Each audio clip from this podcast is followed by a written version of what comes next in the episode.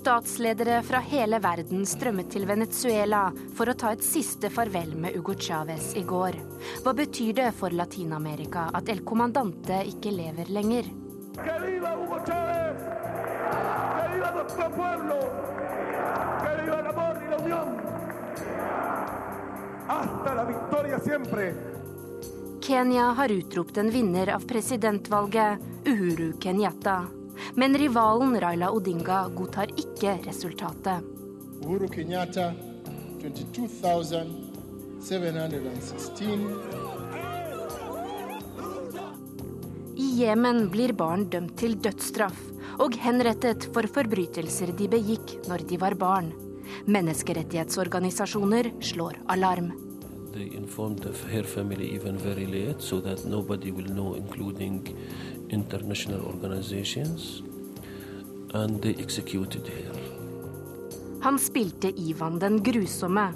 Nå har den russiske ballettdanseren innrømmet syreangrep på teatersjefen. Russere i miljøet er ikke overrasket. Teateret er et område for folk som tenker likt, men av meg selv legger jeg til at Teater også er et sykehus for selvopptatthet. Velkommen til Verden på lørdag. En time i selskap med oss i utenriksredaksjonen her i NRK. Der du også skal få møte en 24 år gammel fredsprisnominert cubaner. En syrisk alawitt som kjemper mot presidenten. Japanere som frykter for fremtiden to år etter tsunamikatastrofen. Og få høre at folket på Falklandsøyene skal gi en viktig beskjed i morgen. Ukens korrespondentbrev er postlagt i Kairo. Mitt navn er Charlotte Bergløf. Først i denne sendingen skal vi til Venezuela, der folket i går tok farvel med Hugo Chávez, som nå skal ligge på paradeseng en uke, til stor irritasjon for opposisjonen i landet, som nå forbereder seg til valg. Korrespondent Anders Tvegård har tilbrakt uken i Venezuelas hovedstad, som også fikk innrykk av en rekke uglesette statsledere denne uken. Ambos jefes de estado demuestran la más noble expresión de solidaridad y amistad. Irans Mahmoud Ahmadinejad mottok stående applaus da han sto æresgarde for en av Sør-Amerikas mest fargerike ledere, brøt protokollen ved å ta på Chávez båre og knyttet så neven i en revolusjonshilsen.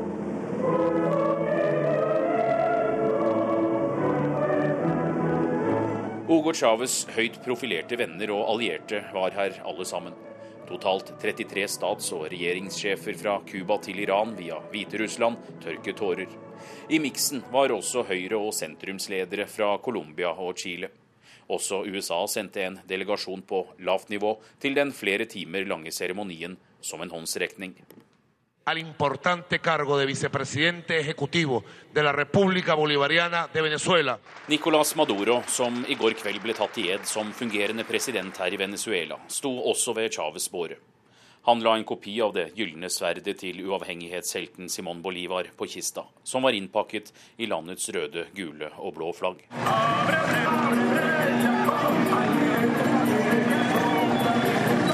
Utenfor militærakademiet er det kilometerlange køer.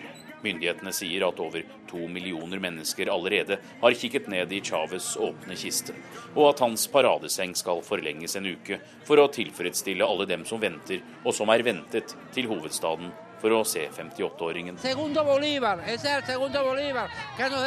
Han er som Simón Bolivar, en ekte helt, sier 80 år gamle Ramón, som bare har ventet seks timer så langt i solsteiken.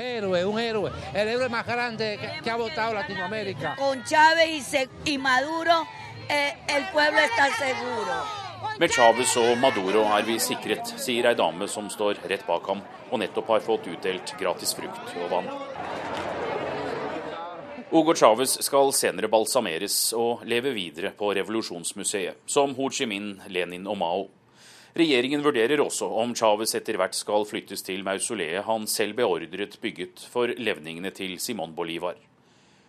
Opposisjonen er lite begeistret for sympatibølgen, persondyrkelsen og martyrstatusen chavistene gir ham. Allerede om en drøy måned blir det nyvalg. Konservative Enrique Capriles beskylder den kommende motstanderen, Chávez utvalgte Nicolas Maduro, for å bruke minneseremonien som springbrett for valgkampen.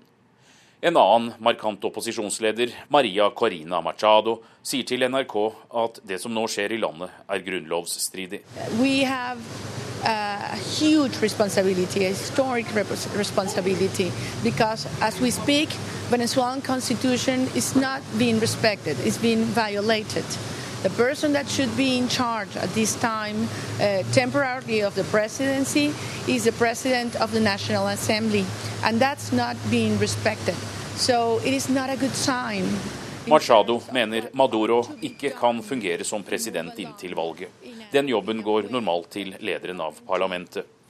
Ingen av opposisjonslederne ble invitert eller var ønsket til minneseremonien i går.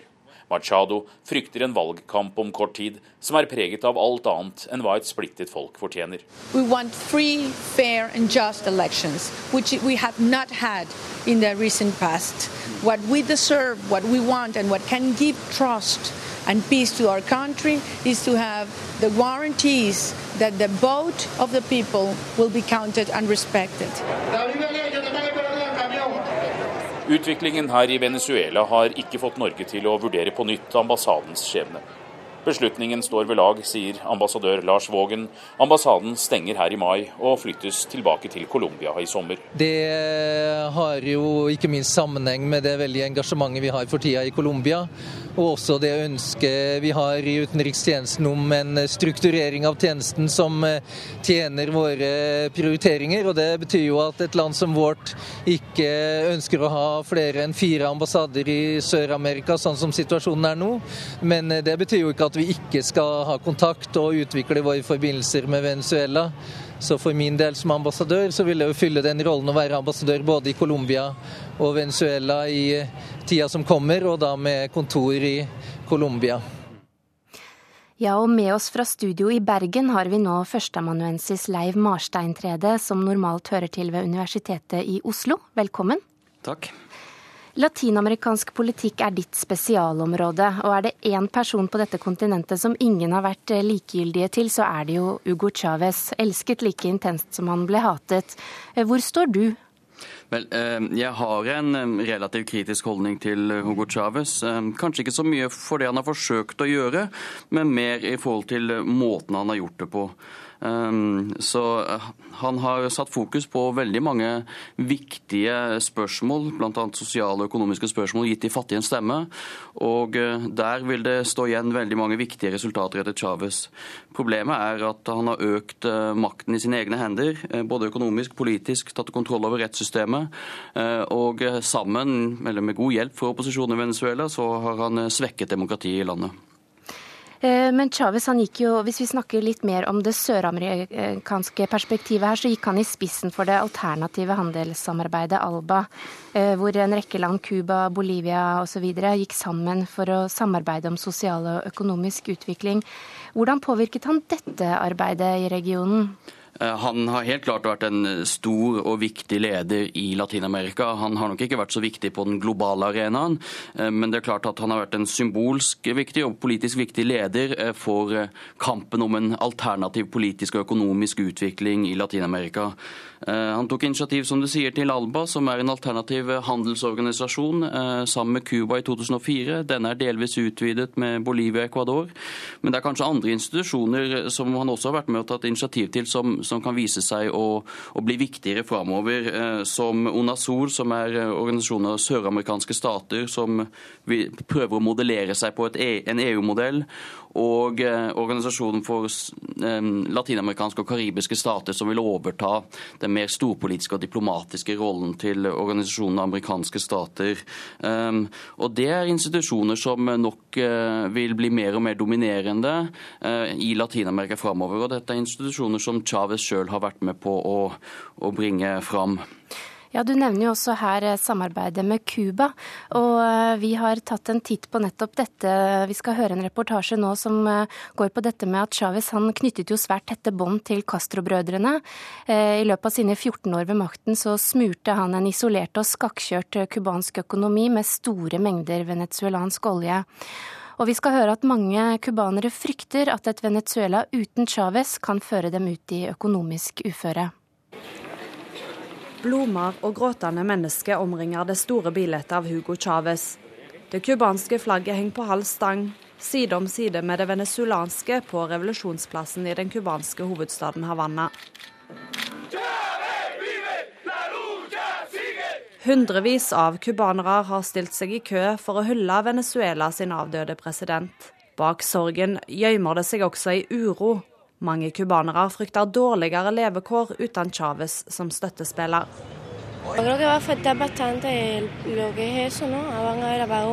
Jeg tror det vil påvirke den cubanske økonomien sterkt, sier tolv år gamle Daniela Soto i Havanna. Vi må forberede oss på mange strømbrudd. Familien min gjør seg klare til det. Chávez gjorde ting billig og bra. Nå må vi finne en annen leverandør. Det blir uansett ikke som før, sier den skoleuniformerte jenta. Men langt ifra alle cubanere er like pessimistiske til ei framtid uten Chávez. Pues no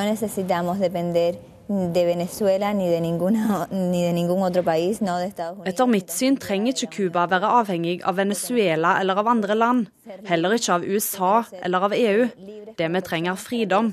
Et fritt folk er en forutsetning for en fri økonomi og demokrati. NRK møter den 24 år gamle cubanske dissidenten Rosa Maria Paya i Eidsvoll-galleriet på Stortinget i Oslo. Rundt oss henger historiske måleri av de norske grunnlovsfedrene som la fundamentet for folkestyret i Norge. På Cuba er det mye som mangler før en kan snakke om demokrati, mener Paya, som nylig ble nominert til Nobels fredspris av Kristelig Folkeparti. Denne veka er hun i Oslo for å sette fokus på den menneskerettslige situasjonen i heimlandet. Hun tror ikke den gjengse cubaner vil få det verre som følge av Chávez død.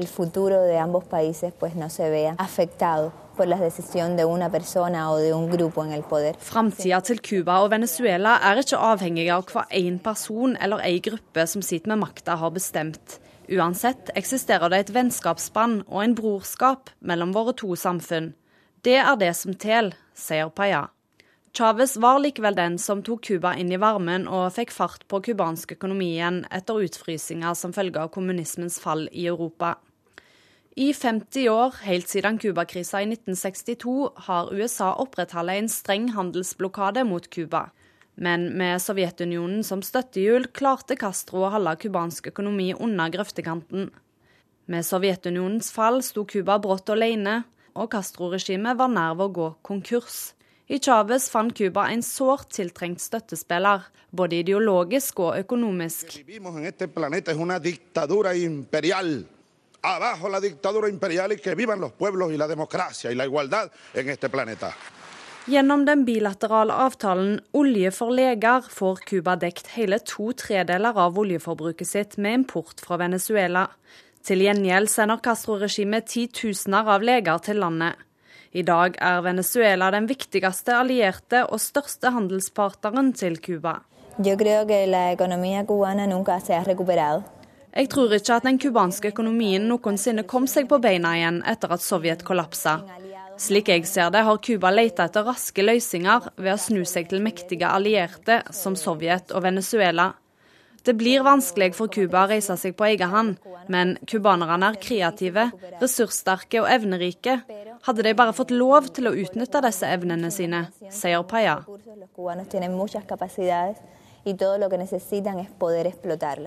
Den vevre, mørkhåra kvinna er dattera til den framstående cubanske regimemotstanderen Osvaldo Paya, som omkom i ei bilulykke i fjor sommer.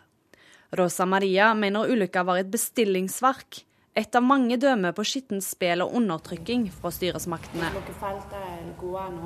Når jeg spør hva den gjengse cubaner mangler, slik systemet er i dag, blir Paya lattermild. Bueno,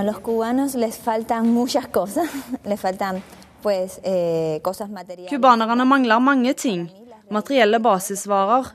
Men røttene til alle problemer er at vi ikke får bestemme over våre egne liv. Det fins ikke lover som garanterer at jeg får reise inn og ut av landet som jeg vil, velge de representantene jeg ønsker, organisere meg fritt og gå rå over eiendommen slik jeg vil. En må kunne få selge huset sitt, ikke bare til naboen, men også til en utlending. Eller få låse døra og reise vekk uten å stå i fare for å være hjemløs når en kommer tilbake. Uten muligheter til å kunne gjøre alt dette, kan jeg ikke bli framgangsrik i mitt eget land. Jeg kan ikke rå over meg sjøl, finne fridom og lykke.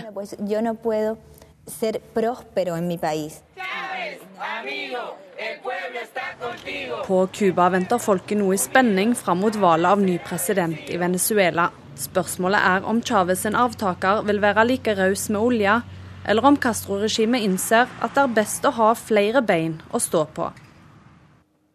Ja, Leiv Marsteinstredet, du er fremdeles med oss fra Bergen. Vi hører i reportasjen at eh, meningene også på Cuba er delt om hvordan eh, Chávez sin død vil påvirke fremtiden. Hva tror du? Vel, jeg tror det avhenger mer av hvem som vinner valget nå, eh, om det blir Maduro eller opposisjonskandidaten Capriles. Men om Maduro vinner, og det ser det ut til at han kan komme til å gjøre, så tror jeg ikke det vil medføre store endringer. Maduro har sjøl vært mye på Cuba og tidligere utenriksminister, og har et veldig godt forhold til eh, Castro-brødrene og Cuba-regimet.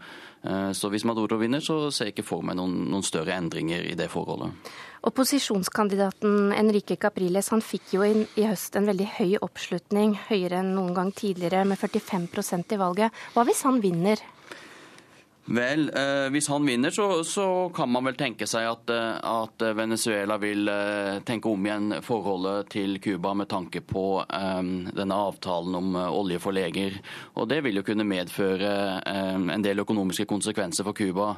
Jeg tror ikke det vil bety, det vil bety en god del for regimet, men det vil ikke være så alvorlig som f.eks. når Sovjetunionen falt for et par og tjue år siden. Den cubanske økonomien har utviklet seg og har mange flere bein å stå på enn den hadde da, da Sovjetunionen falt sammen. Vi har jo snakket om en uh, venstrevind som har blåst over Sør-Amerika, og Chávez har for mange vært et symbol på denne. Men kan vi snakke om én venstreside her?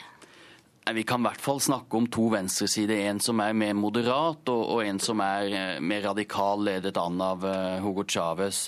Forskjellen på de to er vel uh, måten de går fram for å nå målene som er felles, som er en større grad av sosial og økonomisk rettferdighet.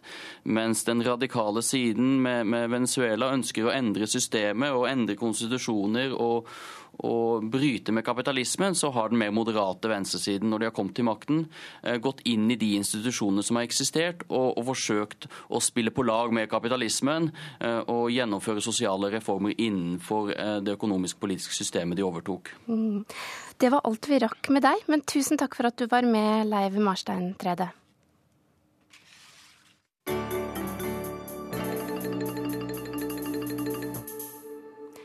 Vi holder oss i Sør-Amerika, men vender nå blikket mot Falklandsøyene i det sørlige Atlanterhav. Der de nær 3000 innbyggerne i morgen skal si ja eller nei til om de fortsatt vil være briter og ha status som et oversjøisk britisk område. Lokalbefolkningen har selv bestemt at de vil si sin mening, etter gjentatte påstander fra Buenos Aires om at de folkerettslig sett er å regne som argentinske statsborgere. Joar Ho Larsen står for ukens kommentar. Falklandsøyene, det er postmann Pat møter Aidensfield. Og sett fra London så har falklenderne hjertet på rette stan. Mens sett fra Buenos Aires så kjører de på feil side av veien, i tillegg til at alt annet er galt også.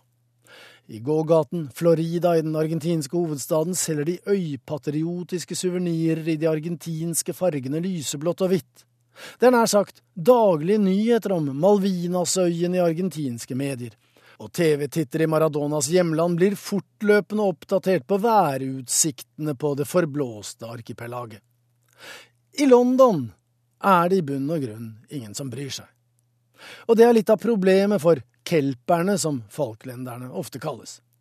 Derfor har de nå bestemt seg for å si fra en gang for alle at de har vært, de er, og de vil gjerne bli og forvære britiske i all fremtid. Og folkenes medbestemmelsesrett, den skal man ikke kimse av. Selv om det er akkurat det argentinerne gjør. PR-stunt, sier de. Morgendagens såkalte avstemning har ingen troverdighet, og den er ikke forankret i noe avtaleverk, den vil ikke bli godkjent av FN, og hvem bryr seg da, egentlig? sier argentinerne, som i hvert fall bryr seg. I FN-hovedkvarteret i New York møtes fra tid til annen en komité med det imponerende navn Spesialkomiteen for situasjonen med henblikk på gjennomføringen av erklæringen om uavhengighet for koloniområder og koloniserte folk. Og den arbeider faktisk med akkurat det. Avkoloniseringskomiteen kalles den sånn til hverdags.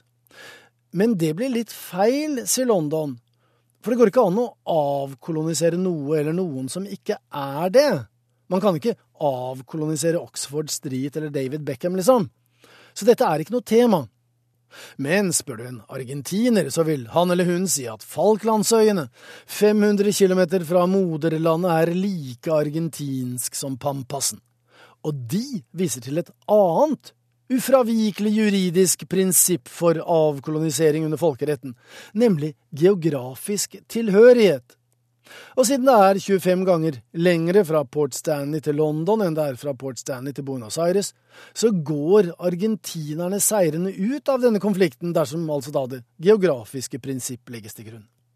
Sånn sett er de 3000 falklenderne egentlig litt fanget mellom barken og veden, men når sant skal sies, så er det ikke akkurat de som er så viktige i denne konflikten. Det er ressursene i havet. Og hav er det nok av på de kanter. Mang en norsk seilskute som slet tungt i de roaring forties, karret seg inn til fast grunn på Falklandsøyene. Noen kom seg aldri videre, andre vendte tilbake og fanget hval ved en annen øygruppe som er en del av denne striden, nemlig Syd-Georgia, med Grytviken, importerte reinsdyr fra Hardangervidda og Norsk kirke som sorterer under biskopen av Tunsberg. Men det er altså fisk og olje argentinerne egentlig er opptatt av. De vil ha hele kontinentalsokkelen, også den rundt øygruppen. For dem er det de ser som den undertrykte befolkningen i den britiske kolonien egentlig bare til bry. For enten så vet de ikke selv at de lever i ufrihet, eller så er de blitt truet av britene til ikke å innrømme at det de ønsker seg overalt på jord, det er selvstendighet, og da aller mest med argentinsk hjelp. For argentinerne tror i bunn og grunn at dette er et spørsmål om innsikt og kunnskap, og det er derfor falklenderne nå gjerne vil si fra en gang for alle at de er ved sine fulle fem, og at de vil være briter. Og det er da også all grunn til å tro at avstemningen nå i morgen vil vise akkurat det. Og det tror åpenbart argentinerne også, for de har jo allerede tatt avstand fra sluttresultatet lenge før valglokalene i det hele tatt har åpnet.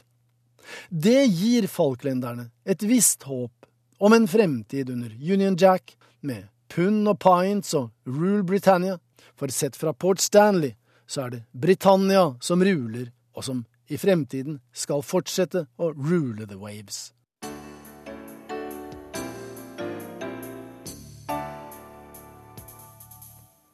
I Moskva nådde denne uken et drama som burde hørt scenen til siste akt, da gjerningsmannen bak syreangrepet på ballettsjefen ved Bolsjoj-teatret ble pågrepet og tilsto.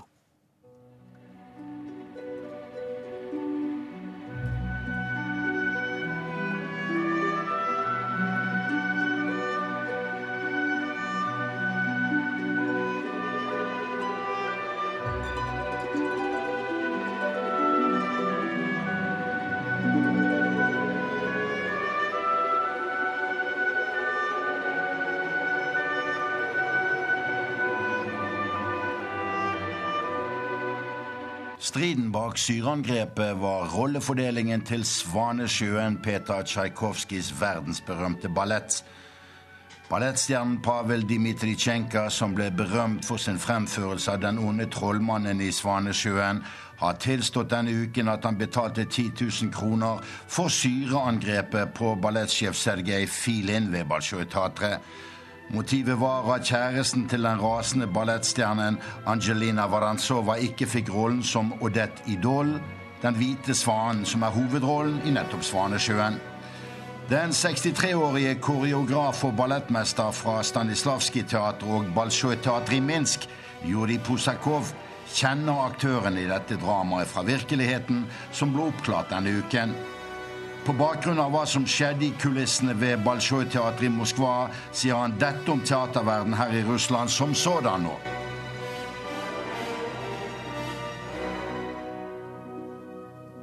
Это террариум единомышленников.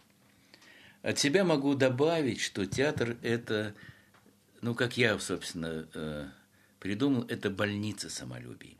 Teateret er et område for folk som tenker likt, men av meg selv legger jeg til at teatret også er et sykehus for selvopptatthet, sier Juri Pusakov, som har gjort suksess ved Balsjoj-teatret i Minsk med sine oppsetninger av både Nøtteknekkeren og Askepott de siste årene, og med godt kjennskap til søsterteatret Balsjoj-teatret her i Moskva. Den gamle ballettmester sier dette om gjerningsmannen og ballettstjernen Pavel Dmitrichenko. Pavel Dmitrichenko karakteriseres som impulsivny, grov og nederdrevet. Pavel Dmitrichenko er karakterisert av at han er impulsiv, grov og en ubehersket mann.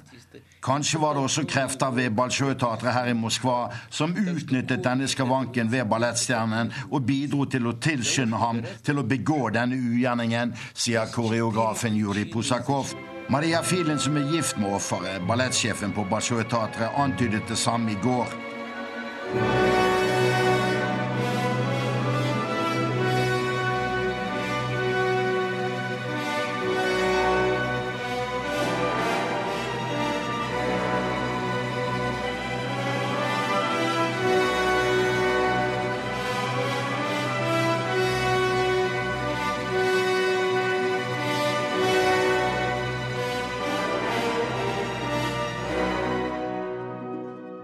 I retten sa mannen som bestilte mishandlingen av ballettsjefen, han tror Riksrevisjonens snarlige bokettersyn ved Bolsjoj-teatret kan avsløre mye. Det ryktes i teaterverden her i Russland nå at enorme summer skal være underslått etter syv års restaureringsarbeider ved Bolsjoj-teatret, uten at slikt rettferdiggjør voldsforbrytelsen som nå er oppklart, med en strafferamme på tolv års fengsel. Koreografen Juri Pusakov legger meget sigende til Så de siste sidene av denne detektivhistorien har vi nok ikke sett bladd om ennå, sier denne erfarne russiske koreografen. Hans-Wilhelm Steinfeld, Moskva. Vi skal nå til Kenya, der avgjørelsen etter presidentvalget kom i dag.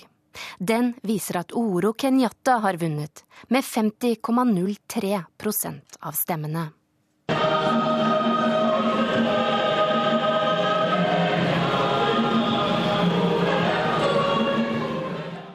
Det sang om fred, et av Kenyas beste kirkekor, mens opptellingen gikk mot natt i det nasjonale valghovedkvarteret her i Nairobi. Utfallet av presidentvalget skulle vært klart allerede i morgentimene i går. Det var det ikke, men gradvis etter hvert som resultatene fra valgkrets etter valgkrets ble kunngjort, gikk det i retning av seier for visestatsminister Uhuru Kenyatta, sønn av Kenyas første president og landsfader Jomo Kenyatta. Motkandidaten, statsminister Raila Odinga, ble hengende for langt bak. Raila Odinga, 5,934. Uhuru Kenyatta, 60,404. I'll present to you some results from Western. I salen satt Raila Odingas kampanjeledere mens resultatene ble lest opp. De håpet og ba til Gud om at Kenyatta i hvert fall ikke ville få mer enn 50% av stemmene. For da ville det bli omkamp, en ny valgomgang mellom de to kandidatene i april. En god stund etter midnatt fikk de svaret, da stemmetallene fra alle de 291 valgkretsene i Kenya var lest opp. De var ikke bønnhørt. Uhuru Kenyatta hadde vunnet med 50,03% Han var kommet i mål over den avgjørende 50 %-grensen med 4109 stemmer, av totalt mer enn 12 millioner som var avgitt under presidentvalget for fem dager siden.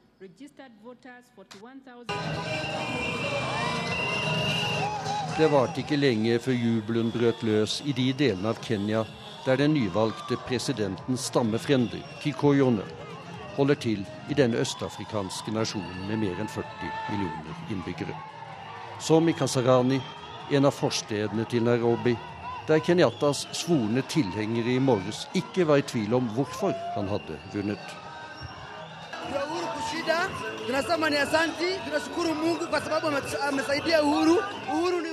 Vi er så takknemlige, sier Jerif Koma. Vi takker Gud. Det er han som har hjulpet Uhuru. Uhuru er vår mann, og nå feirer vi for å vise folk at han har vår fulle støtte.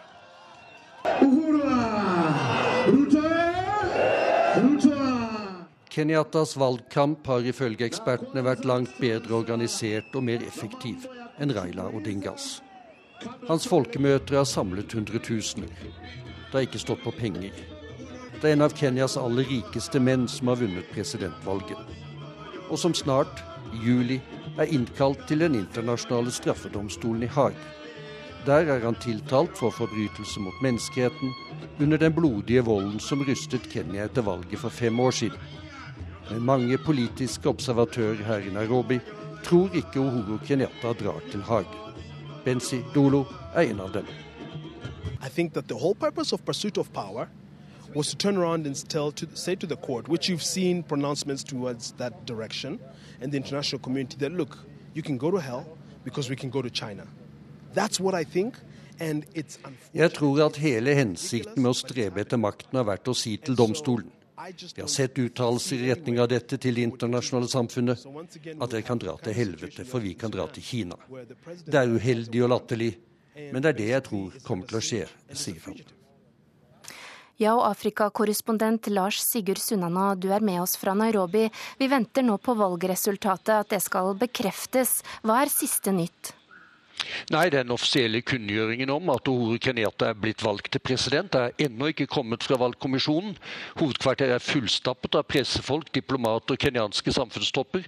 Men er det noe denne valgkommisjonen vil bli husket for, er det forsinkelser. Det endelige valgresultatet skulle vært kunngjort for to og en halv time siden. Vi venter fortsatt på det. Og Raila Odinga han godtar ikke resultatet. Hva frykter man at eh, kan skje nå? Det er spent i slumområdene her i Nairobi, der eh, Odinga har svært mange stammefrender. Det er ventet at han vil bestride valgresultatet og bringe det inn for domstolene, men om han i en tale senere i dag ber sine tilhengere om å holde seg ro inntil domstolene har sagt sitt, så behøver det ikke bli ny vold denne gang.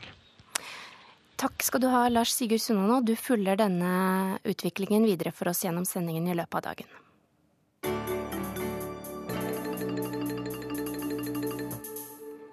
I Jemen blir barn dømt til dødsstraff og henrettet, stikk i strid med ikke bare internasjonal barnerett, men også landets egne lover. De siste fem årene er 15 mennesker henrettet for forbrytelser de begikk da de var barn. Nå slår menneskerettighetsorganisasjoner alarm. Et oftest bråkete bakteppe, men lyden av Sanaa, Jemens hovedstad, er som regel lyden av barmhjertighet og sjenerøsitet men av og til tar landet og byen uhyggelige vendinger. Bak meg ligger Sanna sentralfengsel. Flere titalls unge jemenitter venter på dødsdommen i slike fengsel. Ei straff de fikk for brudd de utførte som barn. For Hind kom hjelpa for seint. On Sunday, 3rd of December, uh, they informed her family even very late, so that nobody will know, and they executed her by uh, firing squad at her body. George Abu Zuluf i FNs barnefond Unicef forteller om skjebnen til Hind el-Barati.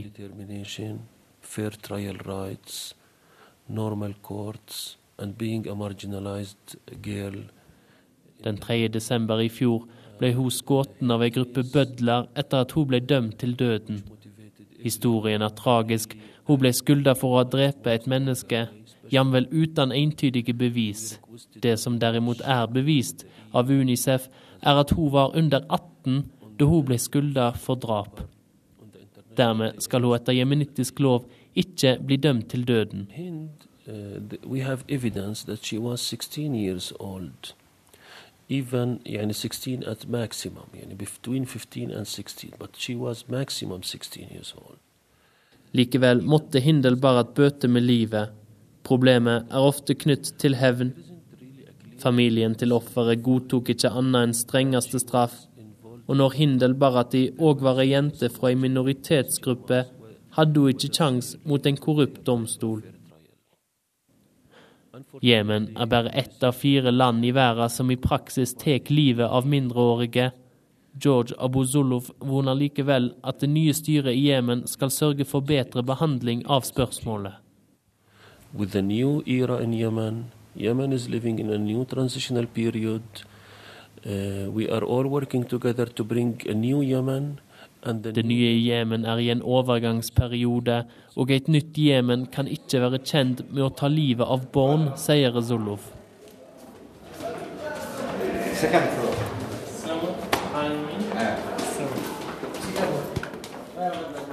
Jeg leter etter departementet for menneskerettsspørsmål, en liten, men vital del av det nye Jemen. Jeg vil vite om menneskerettene til barn blir tatt hånd om i Jemen. Well, uh, uh, knowing that the human rights were here two days ago, det at Human Rights Watch var her og gjorde denne rapporten under oppsyn av regjeringa, viser at vi gjør vårt beste, sier Fuad el-Rafari, talsperson i Menneskerettsdepartementet i Jemen. Men han vedgår hans departement har liten erfaring. So we will Han sier regjeringa er interessert i å endre det faktum at mindreårige blir dømte til døden, men mye arbeid står igjen. and uh, uh, to uh, read collectively the recommendations of the report and find out where we can, in a short in a shortcut, where we can do something from um, the big human rights perspective. So work is underway from your side. We don't have holidays in human rights. Not at all. At all. Dog fremdeles er nesten 200 unge jemenitter sikta for drap som mindreårige. Alle risikerer i verste fall dødsstraff. Raymond Lidahl rapporterte fra Sanaa. Vi retter nå blikket mot Japan, for mandag er det to år siden tsunamikatastrofen som krevde nesten 20 000 liv. Det kraftigste jordskjelvet i landets historie skjedde utenfor østkysten klokken 14.46 lokal tid, men det som kom etterpå var mye, mye verre. Og katastrofen ble til slutt tredoblet med lekkasjen på atomkraftverket i Fukushima. Wenche Eriksen rapporterer. Skrekkslagne japanere tror ikke det de ser. Tsunamivarselet har gått, og de har søkt tilflukt oppover i etasjene i en boligblokk. Derfra ser de det menneskene på gateplan ikke ser. Kjempebølgen som slår over flomvernet og bare fortsetter og fortsetter innover. De banker på vinduer og roper ut at folk må komme seg vekk. Så kommer vannet. Tsunamibølgene var opptil 40 meter høye og strakte seg en hel mil innover land. En forferdelig katastrofe som utslettet hele landsbyer. Men det skulle komme mer.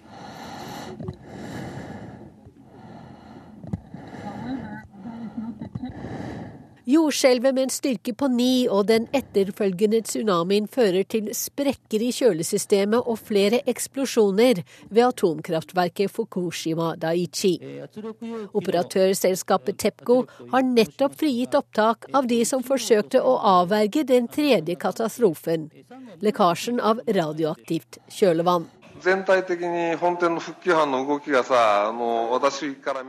Folk risikerer liv og lemmer her borte.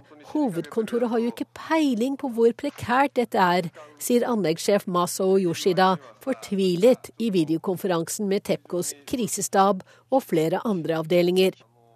Til slutt må han konstatere at det verst tenkelige har skjedd.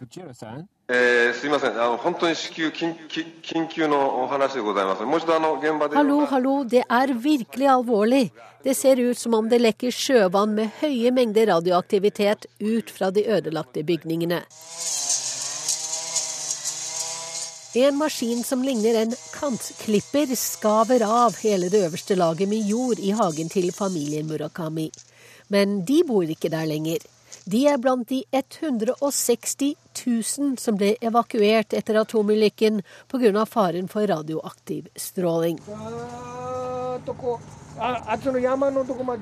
Yoshimasa Murakami er innom familiens hus en gang i uken for å følge med. Men han har ikke store forhåpninger. I stedet for å bruke så mye penger på å rense opp, skulle regjeringen heller ha gitt oss som bor her penger til å kjøpe nye hus. Vi kan ikke gå videre med livet når vi ikke vet fremtiden for landsbyen vår, sier Murakami til nyhetsbyrået Reuters. Og hvor langt inn i fremtiden atomulykken ved Fukushima kommer til å påvirke livene til de som bodde i nærheten, er det ingen som vet.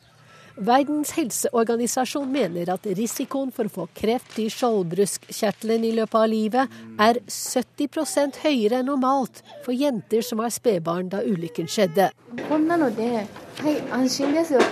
De sender oss bare en papirlapp etter den offisielle legeundersøkelsen og sier at de ikke har funnet noe galt, at barna ikke må testes igjen før om to og et halvt år. Men hvordan kan de tro at vi skal slå oss til ro med det, spør fembarnsmoren Ruri Sasaki.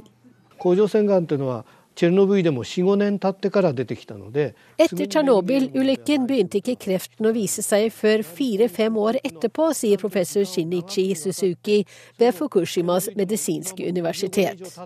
Så mødrene vil uansett ikke bli beroliget av det vi forteller dem i dag, sier han. Syrias president kommer ikke til å gå av. Det vet vi sikkert, sa Russlands utenriksminister i går. Forfatteren Samar Jasbek er enig. Hun tilhører samme folkegruppe som Assad, men måtte forlate regimet, som ikke tålte at hun sluttet seg til opposisjonen. Groholm møtte henne i Oslo da hun var på besøk denne uken. Allahu akbar, Regjeringsstyrkenes bombefly er på vingene.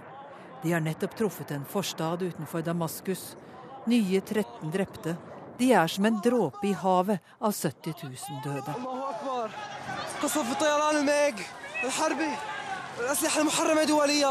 Det brenner i ruinene. Hus, gata, biler og folk er nyanser i sort og grått. De døde kroppene som pakkes inn, har bare en fjern likhet med de menneskene de var for få minutter siden. Folk roper 'Gud er stor', men det stanser ikke Assads fly og lindrer knapt lidelsene. Forfatteren Samar Jasbek er alawitt, som president Assad. Hun er en av de få som åpent kaller ham kriminell. Bashar al-Assad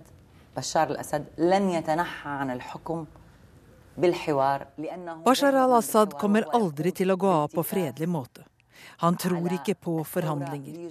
Han vil heller infiltrere revolusjonen for å ødelegge den innenfra, samtidig mens han bomber, sier Samarias Beck. Han har allerede ødelagt halvparten av landet og er i stand til å ødelegge hele, sier hun.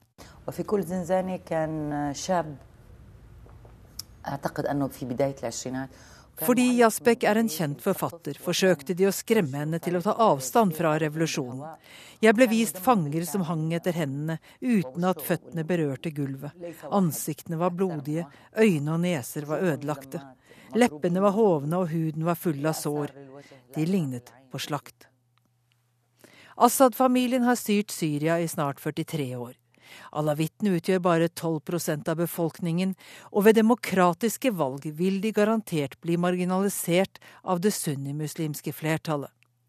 Alawittene forteller hverandre historier om hvordan de ble holdt nede av sunniene, og om hvordan de, og bare de, garanterer frihet for alle religiøse retninger, inkludert kristne. 42-årige Samar Jasbek ser annerledes på det.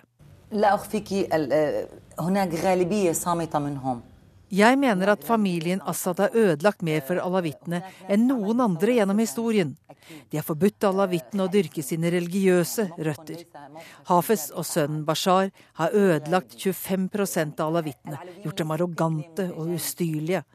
Tre firedeler har de gjort til ulærde fattige og brukt dem som tystere og spioner.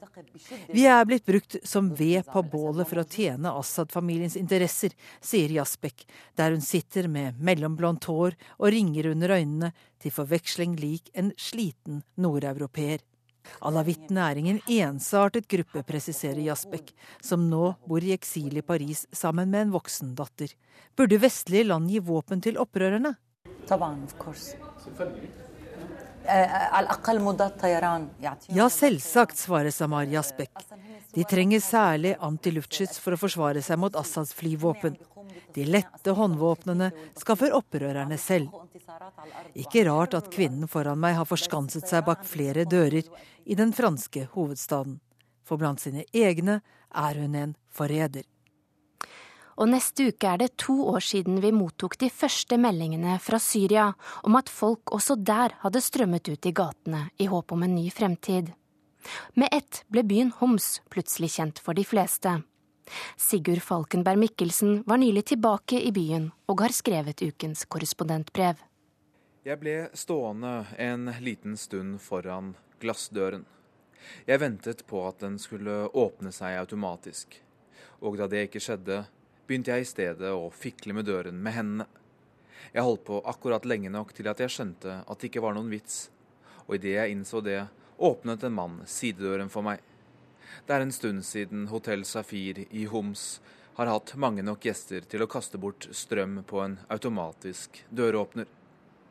Inne i resepsjonen var det mørkt, lavt under taket, og bare resepsjonsdiskene til venstre var opplyst. På den ene veggen hang det et bilde av Hafez al-Assad, faren til den nåværende presidenten. I bakgrunnen lød tunge eksplosjoner og spredt geværild. Eller i bakgrunnen, det var egentlig ikke så langt unna. De slåss i sentrum, noen kilometer unna. Jeg bestilte tre rom. Ett til min sjåfør Josef, og som syrer fikk han et rimelig rom som han kunne betale med syriske pund.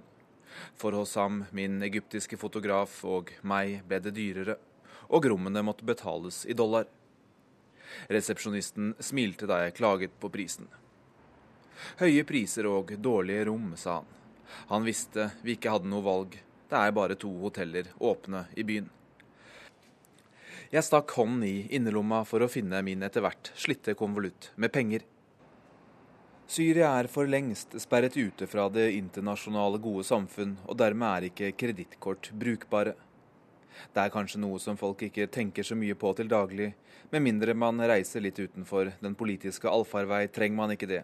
Men det er altså amerikanerne som bestemmer hvem som får lov til å betale med Visa og Mastercard og de andre betalingssystemene. Det har forvandlet den syriske økonomien, eller det som er igjen av den, til en cash-økonomi. Jeg stakk hånden først i den ene lomma, så i den andre. Og så gjorde jeg det samme en gang til, men ikke før jeg også hadde kjent etter i baklommene på buksa. Det var ingen konvolutt med penger der. Jeg sa ingenting til resepsjonisten, bare at vi ikke kunne betale på forskudd, og at jeg skulle komme med pengene senere. Jeg hadde en jobb å gjøre, få hjem noen bilder fra den ødelagte bydelen Babamero til kveldens Dagsrevy, og Hotell Safir er det eneste hotellet med internett i Homs. Da jeg kom opp på rommet, lette jeg spredt i bagene mine uten å finne noe, og satte meg ned med Hosam for å redigere. Det var kjørebilder for det meste. Filmet fra et bilvindu. Knuste hus, skuddhull overalt. En moské med et stort åpent sår etter en artillerigranat. Et utbrent hus. Her og der så vi noen mennesker som gikk i sidegatene. Et annet sted var en liten butikk åpnet. Jeg tenkte på guttungene som plukket løvetann i veikanten, som vi ikke hadde klart å ta ordentlig bilde av. En gang bodde det opp mot 100 000 mennesker her. Det var en fattig bydel i en fattig by, og det var her det ble tydelig for en hel verden at en borgerkrig raste i Syria. En brutal og nådeløs krig. Det syriske regimet bombarderte byen utenfra, tilsynelatende uten hensyn til sivilbefolkningen, og folk flyktet, og til slutt ga også opprørerne opp. De sa det var for å beskytte de gjenværende menneskene, men de hadde nok heller ikke noe valg hvis de ville overleve selv. Igjen ligger byen som et tomt skall, og de par tusen menneskene som har bosatt seg der nå, gjør det enda tommere, som om deres tilstedeværelse understreker kontrasten mellom byen som var, og det den har blitt. Det er slik jeg tenker meg en post-apokalyptisk verden. Da vi var enige om hvilke bilder som skulle sendes hjem, begynte jeg virkelig å lete. Jeg endevendte bilen sammen med Josef, og endevendte bagene mine to ganger, også det sammen med Josef. Pengene var ikke der. Jeg satte meg ned og forsøkte å rekonstruere dagen. På morgenen hadde jeg sjekket ut og betalt på hotellet i Damaskus. Så gikk jeg for å spise frokost, og så måtte jeg tilbake og betale litt ekstra, fordi de hadde glemt å sette gårsdagens mat på regningene, Og så gikk jeg opp på rommet en gang til for å sjekke at jeg ikke hadde glemt noe. Var det ikke slik? Og ga jeg driks til han som la bagene mine i bilen fra lommeboka eller fra konvolutten.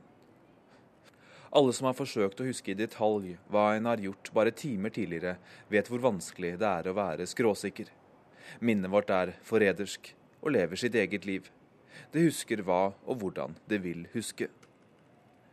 Det hjalp selvfølgelig ikke at jeg samme dag hadde kjørt fra Damaskus til Homs, passert sju militære kontrollposter, sittet i et langt intervju med guvernøren av Homs og hørt på hans konspiratoriske forklaringer på borgerkrigen.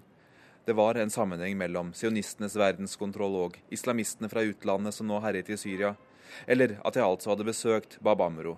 Et for meg sterkt besøk av flere grunner. Ikke bare gjør det inntrykk å være i krigsruiner og merke døden som svever der inne, men dette var også et sted jeg på mitt vis hadde lengtet etter å dra til. For ett år siden satt jeg på en bar i Beirut. Krigen hadde for alvor brutt ut i Homs, og jeg diskuterte med andre korrespondenter hvilke muligheter og veier som fantes for å komme seg inn. Jeg ville dra.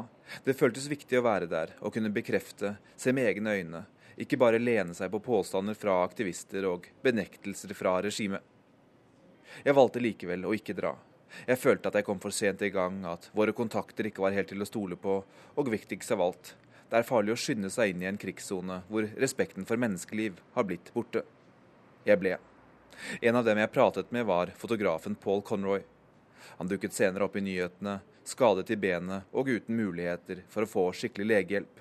En granat hadde truffet det improviserte pressesenteret i den opprørskontrollerte bydelen. Journalisten han reiste sammen med, Mary Colvin var død. Det samme var en annen fotograf, franskmannen Remy Oslik. Alt dette blekner mot det som har skjedd siden. Bare i januar er 400 000 mennesker drevet på flukt i Syria.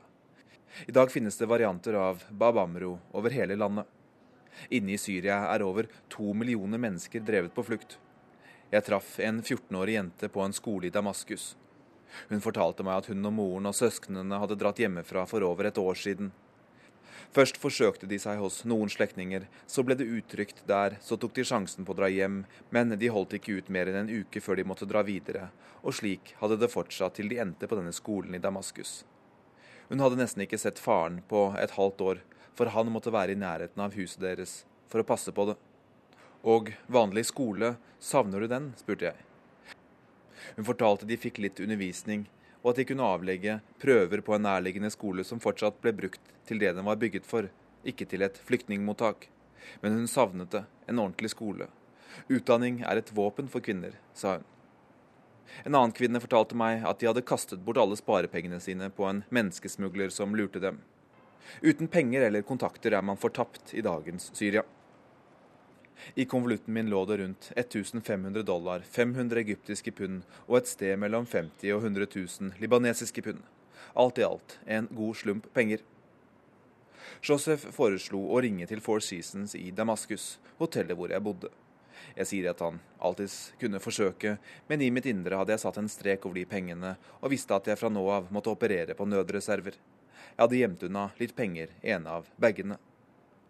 Josef ringte, snakket med flere forskjellige mennesker, helt til han kom til sikkerhetssjefen på hotellet. Han forklarte situasjonen og la på. De skal ringe oss når de har sjekket, sa han. Vi satte oss ned for å jobbe igjen. Jeg gikk gjennom bildene fra Babamro på nytt. De ødelagte husene, moskeen med det store hullet. Jeg tenkte på nytt på gutten som plukket løvetann i veikanten som vi aldri fikk tatt ordentlig bilde av. Vi prøvde å sende det vi hadde til Oslo, mislykkes i første forsøk, men prøvde på nytt med et annet system, og det fungerte. Sakte, så sakte som i internetts begynnelse. Streken som viste hvor langt overføringen hadde gått, rikket seg nesten ikke. 11 kilobyte upload, 22 hurra, 6 og nei. Josef og Husam røkte, og jeg skulle ønske jeg ikke hadde sluttet.